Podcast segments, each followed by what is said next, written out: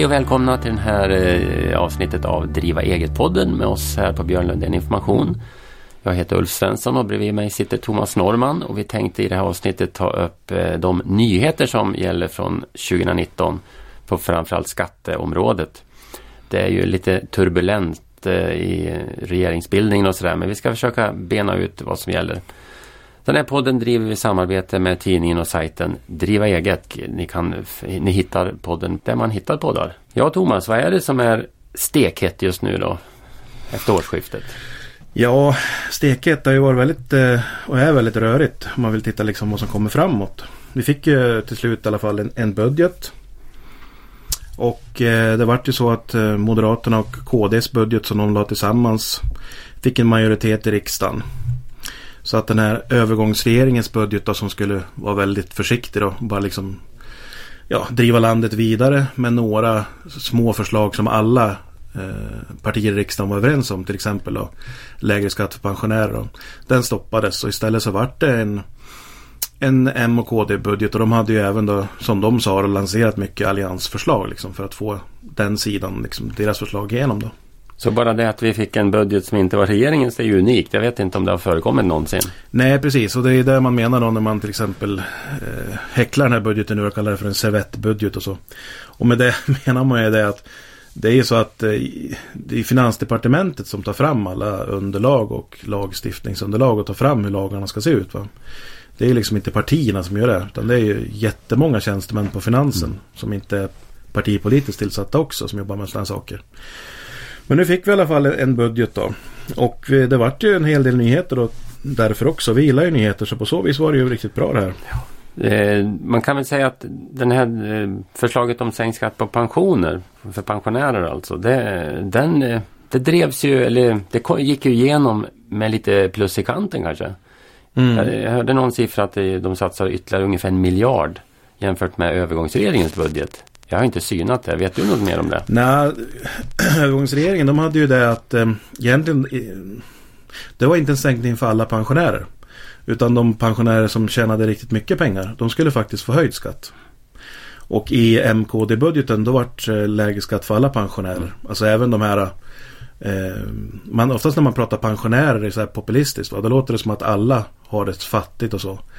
Men de som är rika nu och är 50 år, de är ju säkert rika och har mycket tillgångar även när de är 65. Mm. Och det glöms ju ofta bort. Så att eh, i den här nya budgeten, då var det ju så att inte, det var ingen höjd skatt för de som tjänar mycket. Heller. Så mm. att det var det tror jag som skilde mm. mest då.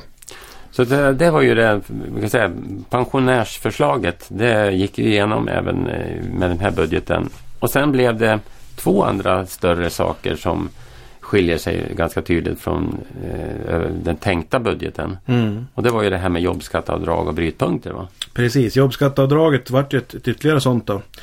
Så att alla som eh, arbetar säger man får en skattesänkning på upp till cirka 2 500 per år. Då. Det vill säga drygt 200 kronor i månaden. Och så fick vi höjd brytpunkt. Eh, man kan väl säga att vår förra regering de har ju försökt bromsat eh, uppräkningen på brytpunkterna när man börjar betala statlig inkomstskatt. Tidigare så var det konsumentprisindex plus 2% som en formel. Mm. Och nu har man då haft något år var det uppräkning med 1 Jag tror till och med att vi låg still med ett år. För då var KPI negativ. Så då gjorde man ingen uppräkning alls. Men eh, så att det vart ju en ganska rejäl skillnad där. då så att eh, eh, vi ska se här, vad hamnar vi på? Brytpunkten 2019 var ju på 504 000 kronor då. Ja. Så det är ungefär en månadslön på 42 000. Man kan mm. nå upp till innan man börjar betala statlig inkomstskatt.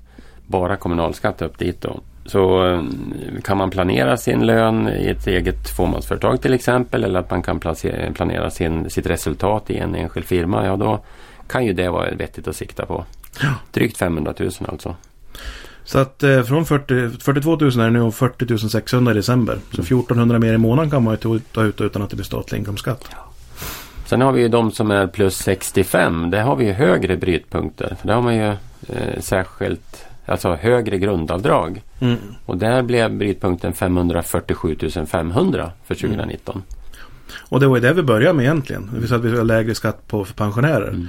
Det är ju det att man skjuter upp den här eh, grundavdraget för pensionärer helt enkelt när man har fyllt 65.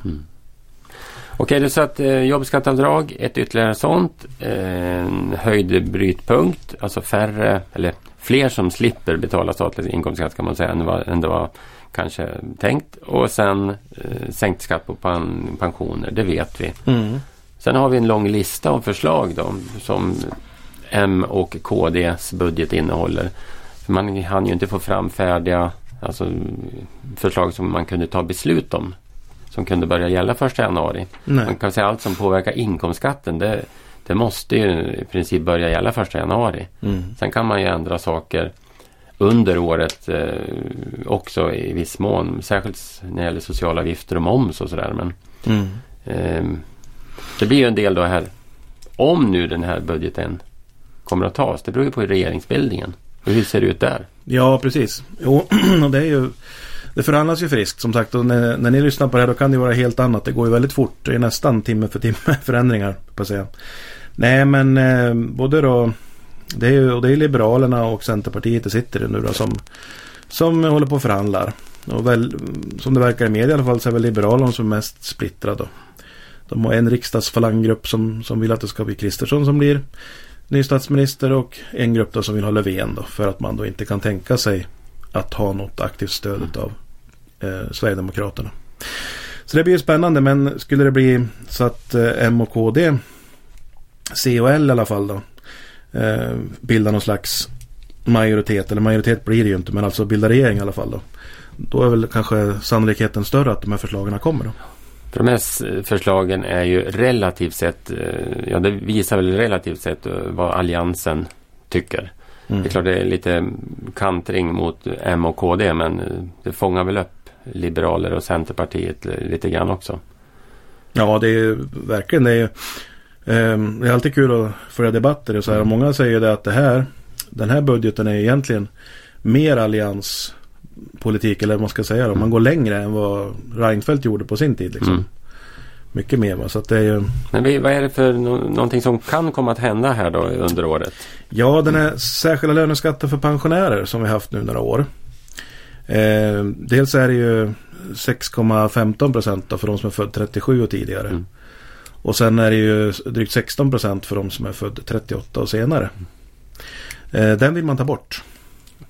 Fast inte hela den där 16, Nej, förlåt. Det blir ju egna... Det har du rätt i. 10,21 blir kvar, alltså Ja. pensionsavgiften. Ja, Den Utan- särskilda löneskattedelen då. precis. Mm. Sen har vi ju det här förslaget om att förenkla, eller förenkla, eh, jämställa generationsskiftade fåmansföretagsverksamheter med att man säljer till utomstående. Eh, kanske har hört om att eh, man kan ju lägga ett fåmansföretag, aktierna, i karens. Att man kan eh, få ett bolaget efter drygt fem år eh, till ett passivt bolag och, och då få ut alla vinstmedel med bara 25 procent skatt. Om man för över verksamheten eh, eller aktierna till en närstående då kommer mitt bolag som jag har, det kommer inte att komma igenom den där karensen någon gång. Den blir smittat av den närståendes verksamhet. Säljer man till en utomstående, ja då kan man få bolaget i karens. Så där vill man jämna ut. De här förändringarna vi pratar om nu, det är generellt då från första juli har man tänkt sig. Vi får se om det blir så. Och det är ju den här generationsskiften i fåmansföretag. Här är det nog egentligen politisk enighet. Ja, Eh, regeringen surnade ju till va, när man fick stopp på de här förändrade 3.12-reglerna. Så då stoppar man det här också. Men man till exempel politisk debatt i Almedalen när alla, när alla politiska ekonomiska företrädare var på plats. Så var man ju liksom enig om att man skulle kunna tänka sig ett snabbjobb. För att underlätta det här. Då. Flygskatten som infördes för inte allt för länge sedan, den vill man då avskaffa. Mm. Tycker inte att det, den har den effekt eh, som var tänkt på, eh, på miljön men det är lite olika politiska åskådningar om det här. Ja, de har ju aldrig tyckt att den hade den effekten. Så det är väl Mm. förståeligt att de vill ta bort den om man inte tror på den. Sen det här med fryst överindexering av drivmedelsskatt. Det är ju så att man har ju räknat upp då drivmedelsskatten varje år. Med KPI plus att det har även en överindexering då så man har räknat upp den mer än det. Och det vill man då frysa. Och eh, skatten på diesel inom jord och skogsbruk vill man sänka. Man vill Mm. gynna den sektorn. Sen fackföreningsavgiften har vi precis fått en, en delvis då en skattereduktion på. Eh, Den vill man ta bort från 1 april 2019. Vi har ett återinförande av skattereduktion för gåvor. Om ni minns. Förra regeringen hade ju den inne. Mindre, mm. En mindre skattereduktion på gåvor till allmännyttig verksamhet. Eh, som man kunde ha då. Det vill man återinföra rakt av nu. Och då är det för privatpersoner då, mm. inte för företagen utan privatpersoner. Sen växer stödet för enskilda näringsidkare. Det, det börjar ju för enskilda mm. näringsidkare, utökades med eh, handelsbolag och aktiebolag. Nu vill man ta bort för enskilda näringsidkare. Med motiveringen att man anser att man ska inte ha anställda i enskild firma. Att, Nej, ja. det är ett sätt att styra det på. Men eh, det har väl kanske inte nyttjats i så hög grad i enskild firma heller. Men eh, ja, förmodligen har nyttjats mycket mer i aktiebolag. Mm. Naturguidning fick vi sänkt moms på till 6 procent 1 januari 2018. Nu vill man ju höja upp det igen då till eh, 25 procent. Mm. Ja, och här är det ju stora starka protester bland allmänheten. man kan tycka att det är en väldigt liten förändring då. Men det här har man då det tyckte man var hemskt dumt då. Eh, vi har ju haft jättemycket funderingar på det här. Liksom, vad är egentligen vilka ja. områden det ska ge. Ska vara låg moms på inte. Så att, men jag har inte sett motiveringen riktigt varför man vill återställa till 25. Vad var det som var det stora felet med den här sänkningen? Nej, det har inte jag heller förstått faktiskt. Men man kanske bara vill hitta lite finansiering av sina andra förslag. Så kan det också vara. Mm. Tar man sånt som man inte behöver bråka så mycket om. Ja.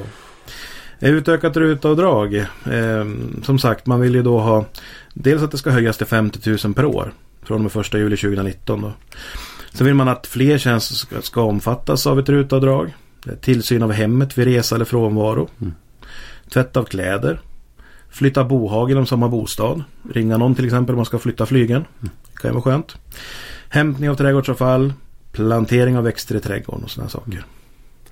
Så vill man också titta om man ska ha ett mer generöst rutavdrag för äldre. Och där tycker man att taket då bör höjas till 75 000 per år. Och äldre har ju tidigare åtminstone varit 65-årsgräns. Mm.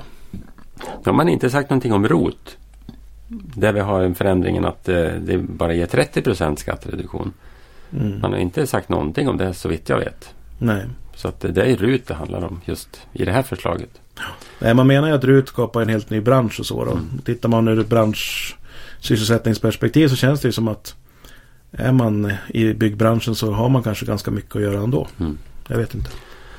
Ja, det var de förslag som fanns i M's och KDs budget som riksdagen ju röstade för. Men det, det här ska ju då till, eh, håller ju på att utarbetas från Finansdepartementet. En lång rad förslag då i enlighet med det här som ska kunna börja gälla första juli och första april. Mm. Men om det går igenom får vi se som sagt. Det finns ju ett till kontroversiellt förslag som man har lagt som inte i sig är på skattesidan mm. och det är ju det här med inträdesjobb. Man vill ju mm, införa inträdesjobb, det vill säga jobb med en lönenivå på 70 procent av ingångslönen i kollektivavtal. Och det här går ju facket i taket för att man menar på att jag vet man menar ju på att det här är ju arbetsmarknadens parter som ska förhandla om sådana saker och inte eh, regering ska lägga sig, stat och regering ska lägga sig i det här. Mm.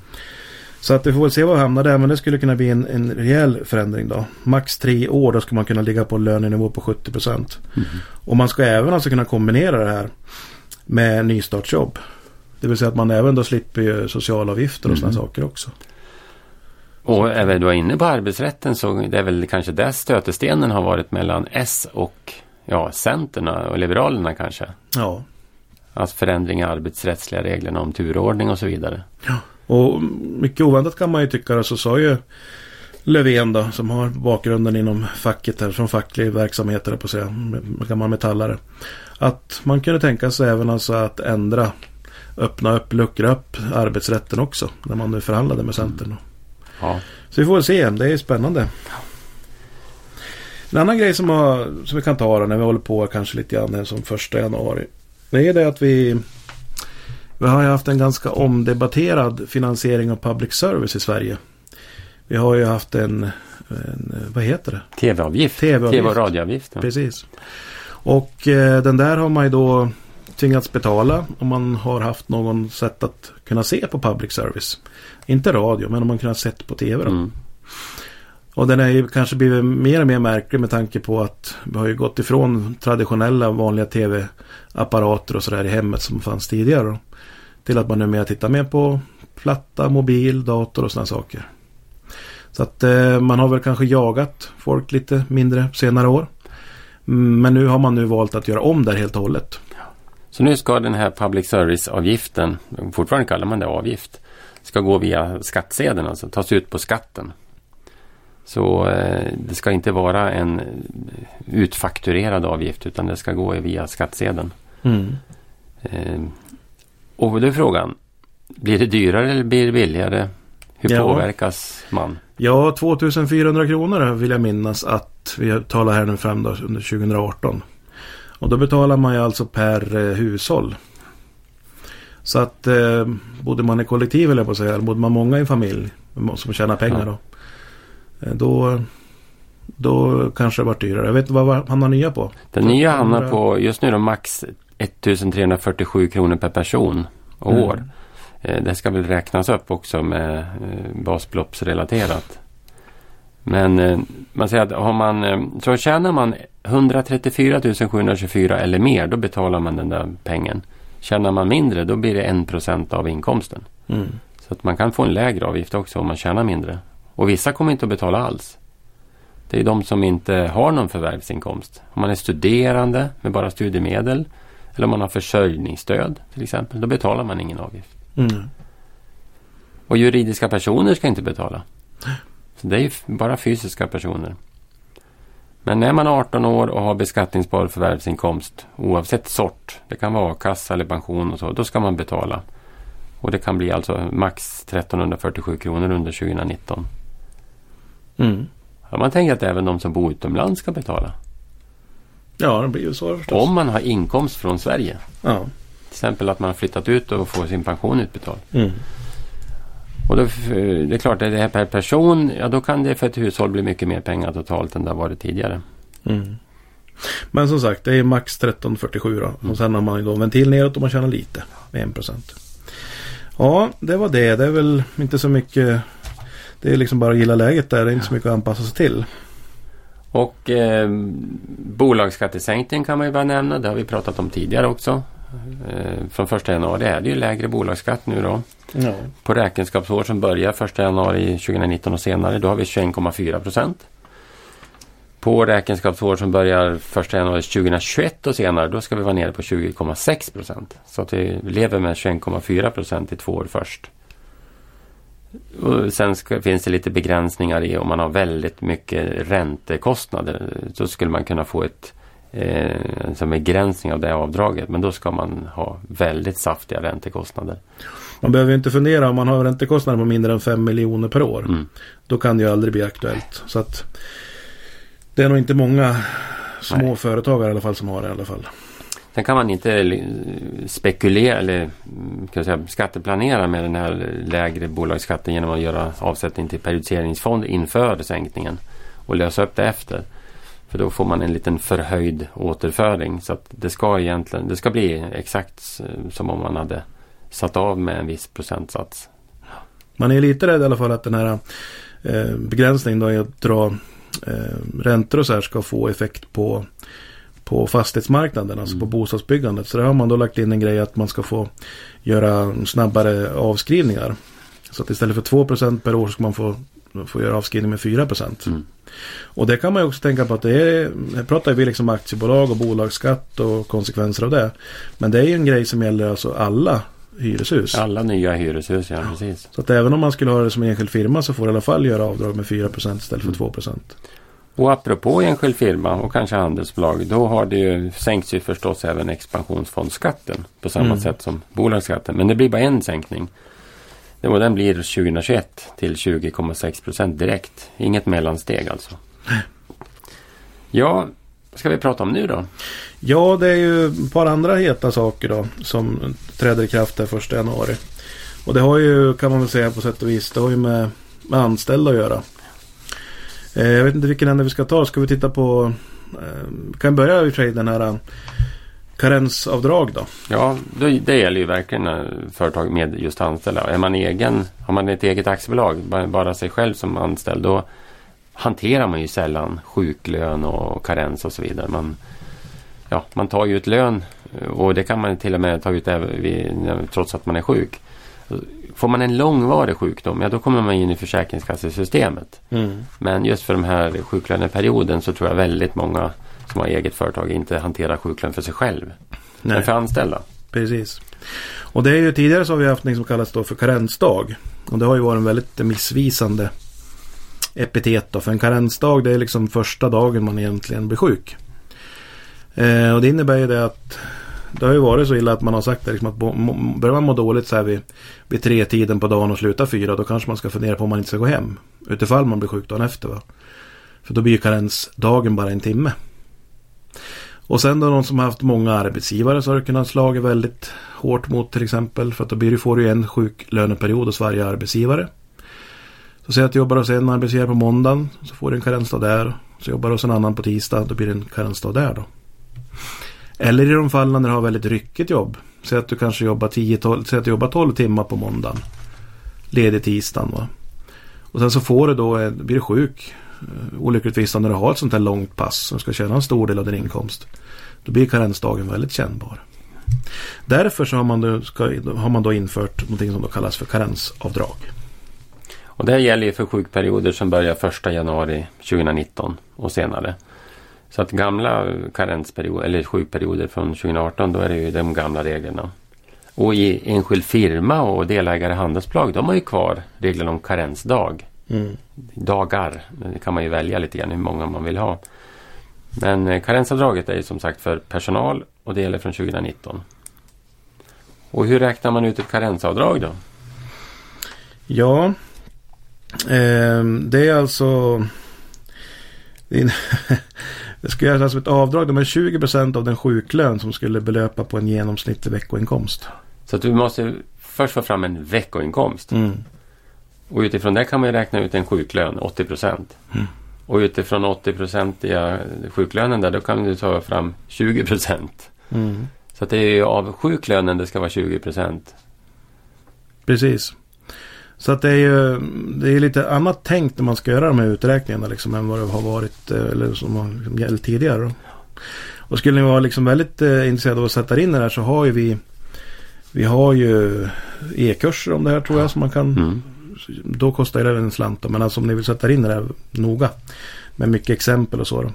Sen exakt hur man ska göra det här. Va? Alltså man kan ju börja säga så här. Ni som har kollektivavtal, bund av ett sånt. Ni ska köra vidare. På vad det, det säger? För vad det säger. Tills har inget av dem ändrats tror du? Till... Ja, det är möjligt att alltså, kan, det finns ju, det vågar jag inte svara på, det finns ju en 370 aktiva mm. kollektivavtal och sånt där. Mm. Och det är klart att något kan ju ändras då.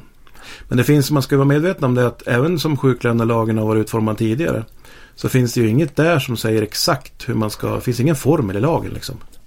Så ni som har kollektivavtal, ni kör vidare tills det blir en ändring i kollektivavtalet. Och det får ni kolla, har det blivit det nu då från 1 januari? Så att ehm, ja, även tanken är att det här ska liksom bli ett rättvisare avdrag då. Det finns ju även de som gärna följer kollektivavtal fast man inte har tecknat något själv. Man har inget hängavtal. Man har...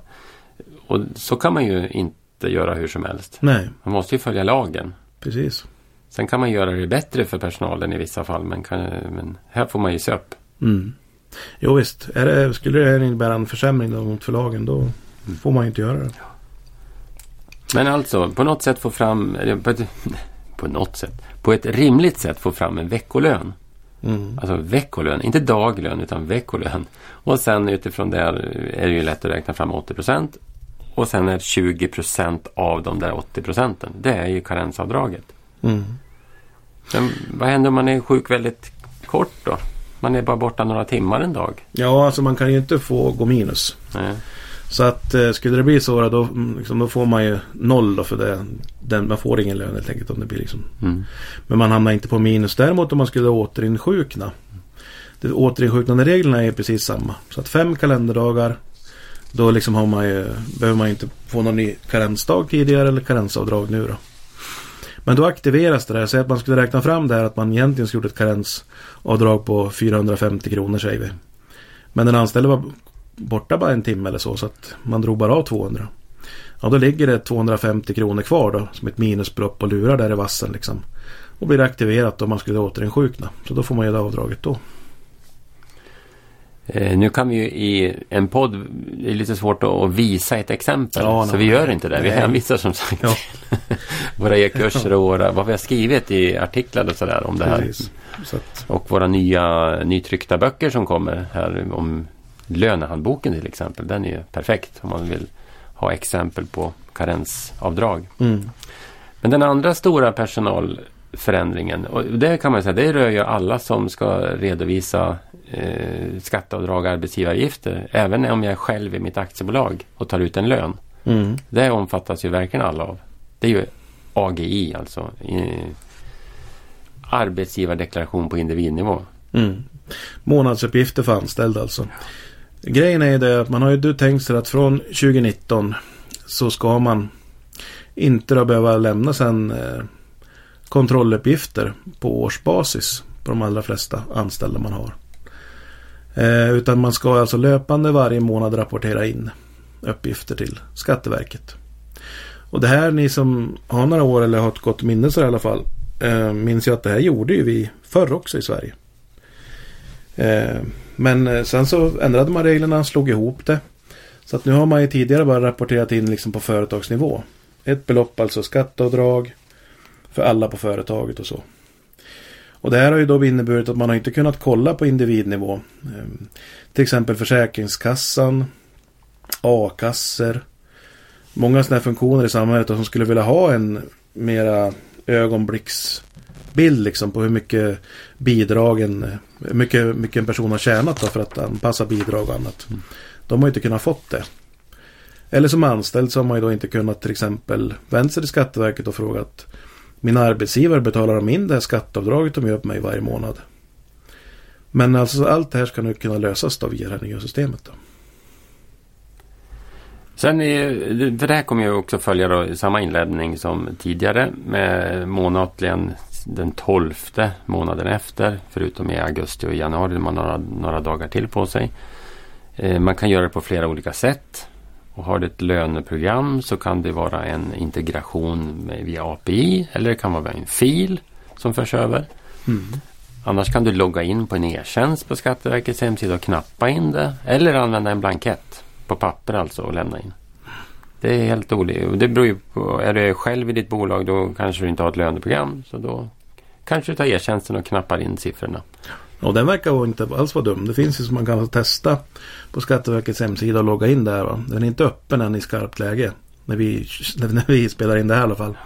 Men däremot så kan man alltså logga in och göra liksom, se hur det funkar med övnings, övningsexempel kan man säga, anställda.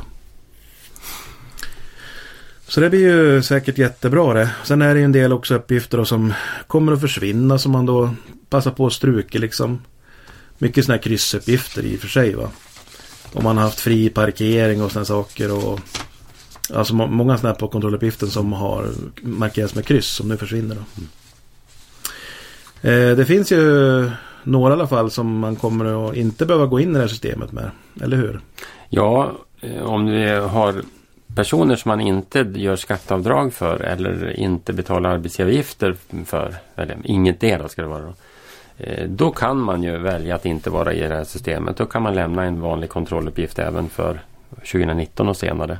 Det kan vara idrottsföreningar som har idrottsutövare som har inkomster under ett halvt prisbasbelopp. Eller det kan vara att man bara har löner som ligger under 1000 kronor per person. Eh, typ det. Mm. Men om jag, har, eh, om jag har andra vanliga löner då kan det väl vara smidigare att även lämna de här eh, uppgifterna i, via AGI. För det får man liksom. Se en, en idrottsförening till exempel som har en anställd vaktmästare och någon som jobbar lite grann på ett kansli. Och sen har man då en mängd an, som man avlönar under det här halva prisbasbeloppet. Då kan man ju tycka att det är smidigt att man då redovisar in för alla anställda på samma sätt. Och då kan man välja att göra det. Mm.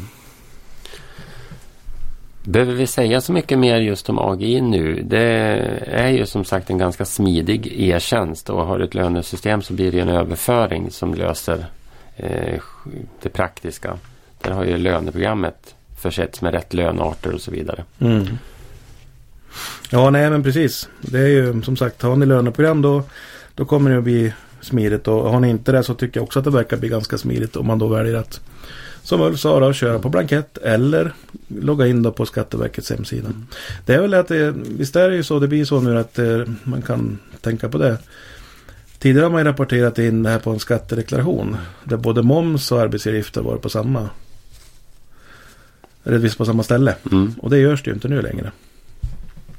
Och har man, eh, men har man kört liksom e-tjänster då har det ju varit separerat redan. Mm. Så då har man ju vant sig vid det. Ja, ska vi ta något annat? Ja, en sak som jag tycker som är jättestor för många och som egentligen har fått väldigt liten uppmärksamhet då. Det är entreprenörsansvar för löner. Mm. Hela byggbranschen berörs sig av det här väldigt mycket. Och eh, det är så, byggbranschen den har ju liksom under väldigt många år liksom varit en problembransch. Det har liksom, det har nog alla varit överens om. Man har pratat om organiserad handel och svart arbetskraft och sådana saker då. Och eh, det är väldigt eh, stora projekt. Det visar sig liksom att det är svart arbetskraft och det är eh, människor från andra länder som inte ens har arbetstillstånd i Sverige som har varit inblandade. Jag för mig att det till och med på det här nya stora bygget i Stockholm, Nya Karolinska, visar sig att eh, det var problem. va. Ett sådant profilerat bygge ändå. Då. Och nu har man då tänkt sig att man ska införa ett entreprenörsansvar så att det ska bli mycket svårare liksom, att bygga långa kedjor av underentreprenörer. Liksom. Så att någonstans i den här kedjan så kan det alltid slinka in någon oseriös aktör då som inte ger lön på rätt sätt. Så från 1 januari så gäller det där och eh, det går ut på det att om man då som anställd inte får lön ifrån eh, sin arbetsgivare. Då ska man alltså kunna gå på den som har anlitat sin arbetsgivare och kräva att få ut sin lön. Får man ingen lön därifrån heller, liksom, eller inget, ja, ja, de betalar inte heller. Då kan man gå på huvudentreprenören Mm. och kräva att få ut lön då. Så att eh, Det gäller att hålla reda på vilka underentreprenörer man har i hela vägen ner då. Ja, som huvudentreprenör så blir det här jätte... Alltså då måste man ju verkligen vara noga. Eh, och sen finns det givetvis då om man är- ni som är, ska titta på det här så, så titta. Det finns ju regler för allt höll jag på att säga. Hur många dagar som man måste vänta med att gå liksom till till eh, sin arbetsgivare, eh, uppdragsgivare liksom för att kräva pengar och sådana saker. Va? Och eh, man har ju också då, som anställd rätt till information om alla de här frågorna givetvis.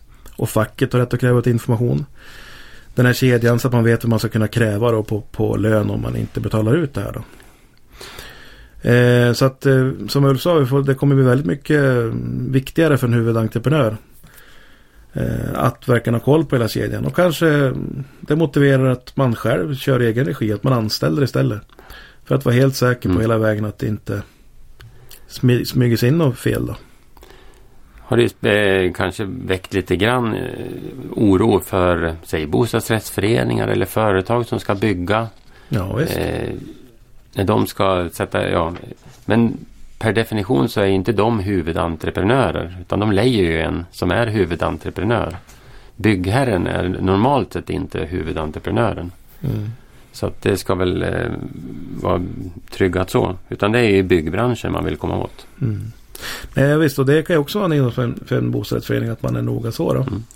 Att man kanske istället har lagt ut det här på en huvudentreprenör. För att slippa även det ansvaret då. Ja, så det här gäller ju från 1 januari 2019 som sagt. Mm. Eh, Och det är lönefordringar som har förfallit till betalning mer än tre månader före det att uppdragsgivaren underrättades. Mm. Så att det är tre, tre månader alltså som en huvudentreprenör då kan få gå in och betala per anställd förstås. ja, ska vi ta lite moms då kanske? Ja. Det Det vi, vi har pratat om det tidigare, vi kan prata om det igen eftersom det har förskjutits. Eh, vinstpengar, alltså eh, det man får när man vinner ett eh, lopp eller en, man har en travhäst som springer in pengar. Det är numera i momsfritt egentligen. mm. Eh, det finns en EU-dom på det.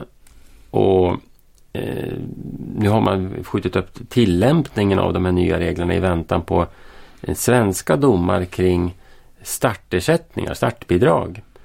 Man har konstruerat inom travet och att man får betalt för att ställa upp i, i lopp. Just för att få till det här, få travet till en momspliktig verksamhet. För har man bara momsfria insprungna pengar då blir det ju inte mycket till momspliktig verksamhet. Och när Ulf säger att man har lagt upp det så, jag menar det finns ju sådana här eh, betalning säg inom friidrottsvärlden till exempel en friidrottsstjärna får ju pengar för att ställa upp i ett lopp va? Ja, då är det då är det en annan sak. Men här har man då tänkt sig att att alla får pengar för att ställa upp i ett lopp. Mm. Och det kan ju då kanske vara till och med mindre pengar än vad det kostar att anmäla sig till loppet. Ja, 500 kronor per lopp har man STC betalat ut nu här då. Mm. Och när man prövat det i skatterättsnämnden så har kommit fram till att jo men det är momspliktig omsättning med de här startbidragen. Även om man kanske bara ställer upp i 10 lopp på ett år. Mm. Och då är man inne i momssystemet. Men det här ska ju upp till Högsta förvaltningsdomstolen. Förmodligen här första halvåret 2019. Så Skatteverket har sagt att de tillämpar inte den här momsfriheten på prispengar och allt vad det för med sig förrän eh, första juli 2019. Mm. Och varför travbranschen är liksom på tårna för det här det är för att det skulle liksom bli helt andra förutsättningar för dem när om det blir så här. Eh, som det verkar bli. Eh, har man till exempel bara ren tävlingsverksamhet att du liksom har dina travhästar då har man ju inte moms har man ingen momspliktig verksamhet alls. Får inte lyfta moms på på ja, traktor och släp och all, alla kostnader man har för att hålla på med sina travhästar. Mm. Hyr man ut till exempel boxplatser eller att du föder upp hästar. Ja då kommer det ha blandad verksamhet. Så då ska man ju en korrekt uppdelning på det. Så att det är ju, ja, man förstår ju att det är många travhästägare som håller andan för det. Mm.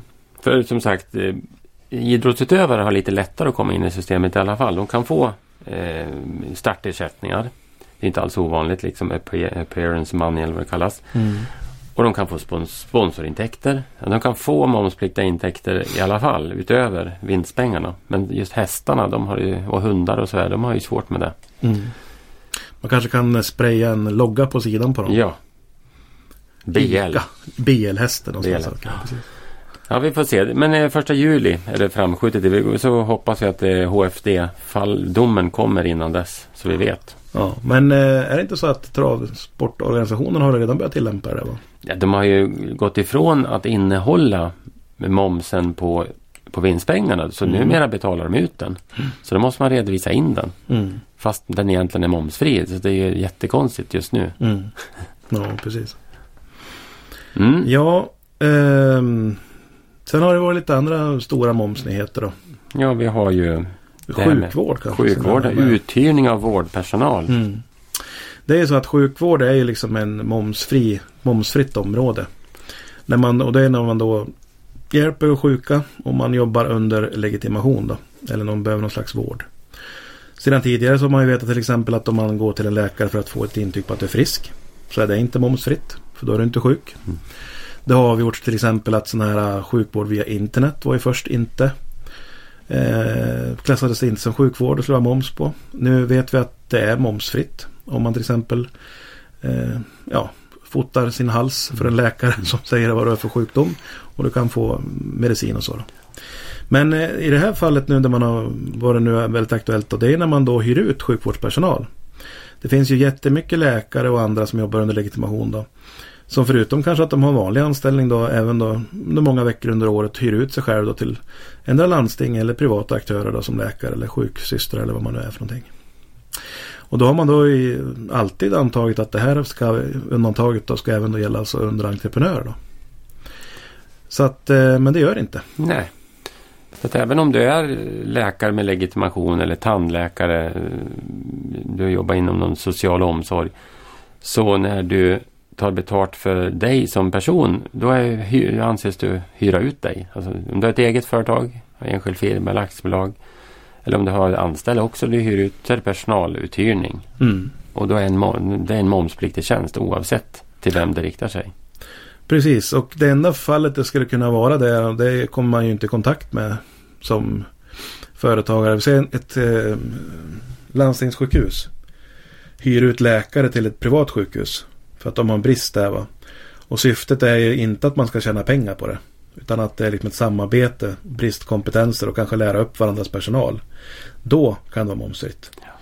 Men annars så ska det alltså vara att man inte har något vinstsyfte för att det ska kunna komma så att det skulle vara momsfritt. Och det är ju liksom inte aktuellt i den fri- fria privata företagsvärlden liksom. Det låter sällsynt i alla fall. Mycket. Mm. Ja, så att det här är ju eh, någonting som eh, är väldigt omvälvande för en stor bransch. Det är väldigt många hyrläkare och så vidare där ute. Men, så att Skatteverket har varit lite schyssta här och sagt att vi ska inte börja tillämpa det här förrän 1 juli 2019. Att eh, då ska det bli, vara obligatorisk momsplikt. Den som kan och vill börja hantera moms, lägga på moms redan nu kan ju göra det. Mm. Men man sitter ju fast i avtal om vissa priser. Eh, det, krävs ju lite grann för att se då om framförallt privatvården har råd att hyra in personal istället för att anställa personal kanske Mm. i framtiden. Ja, och det är intressant där för att det här drabbar ju alltså mest den privata sektorn. Då, va? Det är ju så att eh, även om underentreprenörerna börjar lägga på moms till sjukhus och andra så bedriver ju de i alla fall eh, sjukvård. Så de har ju momsfri verksamhet, får inte lyfta momsen på de här fakturorna. Och de privata aktörerna de kommer inte åt momsen. Mm. Eh, landstingsdrivna, regionsdrivna sjukhus, vårdcentraler och sådana saker. De kommer åt det via den så kallade Ludvika-momsen. Det innebär att de får inte lyfta moms som vanliga företag men de får återkräva moms. Och nu är det ju säkert så att de här olika vårdenheterna tycker i alla fall att de drabbas av momsen. Men det är ju för att i så fall huvudmännen inte slussar ner momspengarna till de här olika enheterna. Då. Så det är mer en budgetfråga kan man Ja. säga. Men eh, så att det kanske kan bli någon förändring på det här med att det är väldigt många som jobbar som inom bemanningsbransch att man hyr ut sig själv då. Så Kanske börja hyra ut sig mer till Norge igen istället. Vem vet? kanske blir mer lukrativt igen. Mhm. Precis. Ehm, ja, ska vi, det finns ju en liten, inte särskilt väsentlig lagändring. Eller egentligen en ny lag till och med. Från 1 januari 2019. Ja, med firma det ja. Mm. Ny lag om företagsnamn. Så den gamla firmalagen försvinner. Vi får en ny lag där man ändrar lite beteckningar och moderniserar reglerna. Så att, eh, att man har en enskild firma eller att man eh, har en, tar någonting på firman. Det, blir, det är mer en språklig fråga numera. Det, är- det är inte så bokstavligt. Så för, när uttrycket firma det ändras till företagsnamn. Mitt, mitt företagsnamn, min firma. Eh, pratar, man pratar nu alltså om mitt företagsnamn. Och bifirma det ändrar man till särskilt företagsnamn. Och parallellfirma det ändras till företagsnamn på främmande språk. Vad Sa du det, sa du sista igen? Parallellfirma det ändras till företagsnamn på främmande språk. Den kommer ju slå igenom den beteckningen. det märker man ju. Men ordet firma då, det är företagsnamn och bifirma det är väl där man kanske kan bli lite förvirrad. Är särskilt företagsnamn. Mm. Eh, Men be- man behåller vissa termer som en firma att göra därför att de är så inarbetade. Firmateckning Mm. blir kvar. Firmatecknare eller firman tecknas av. De tre liksom behåller man. Praktiskt då? Är det någon förändring? Är det en Nej. språkfråga? Det är, det är mer en språkfråga. Det är en ny lag faktiskt. Ja, precis. Ja, ska vi säga att vi rundar av där eller har du något mer på tapeten Thomas? Nej, det blir som sagt väldigt spännande att se med regeringsbildning och annat. Mm. Men vi kanske får anledning att återkomma. När vi har en ny regering på plats så det börjar komma lite nya förändringar då. Så vi kan väl avisera det. Skulle det komma en, en regering som bygger på att Stefan Löfven blir statsminister på riktigt, eller på att säga då, när han inte leder en övergångsregering. Mm. Då kan vi nog förvänta oss kanske en eh, del justeringar på olika saker via vårpropositionen. Ja, verkligen. Det blir spännande. Då kan Ja. vi ju sända lite mer podd här.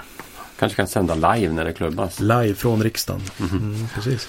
Ja, men då tackar vi för oss. Ja, Eh, vi återkommer. Hej! ja tack. Hej.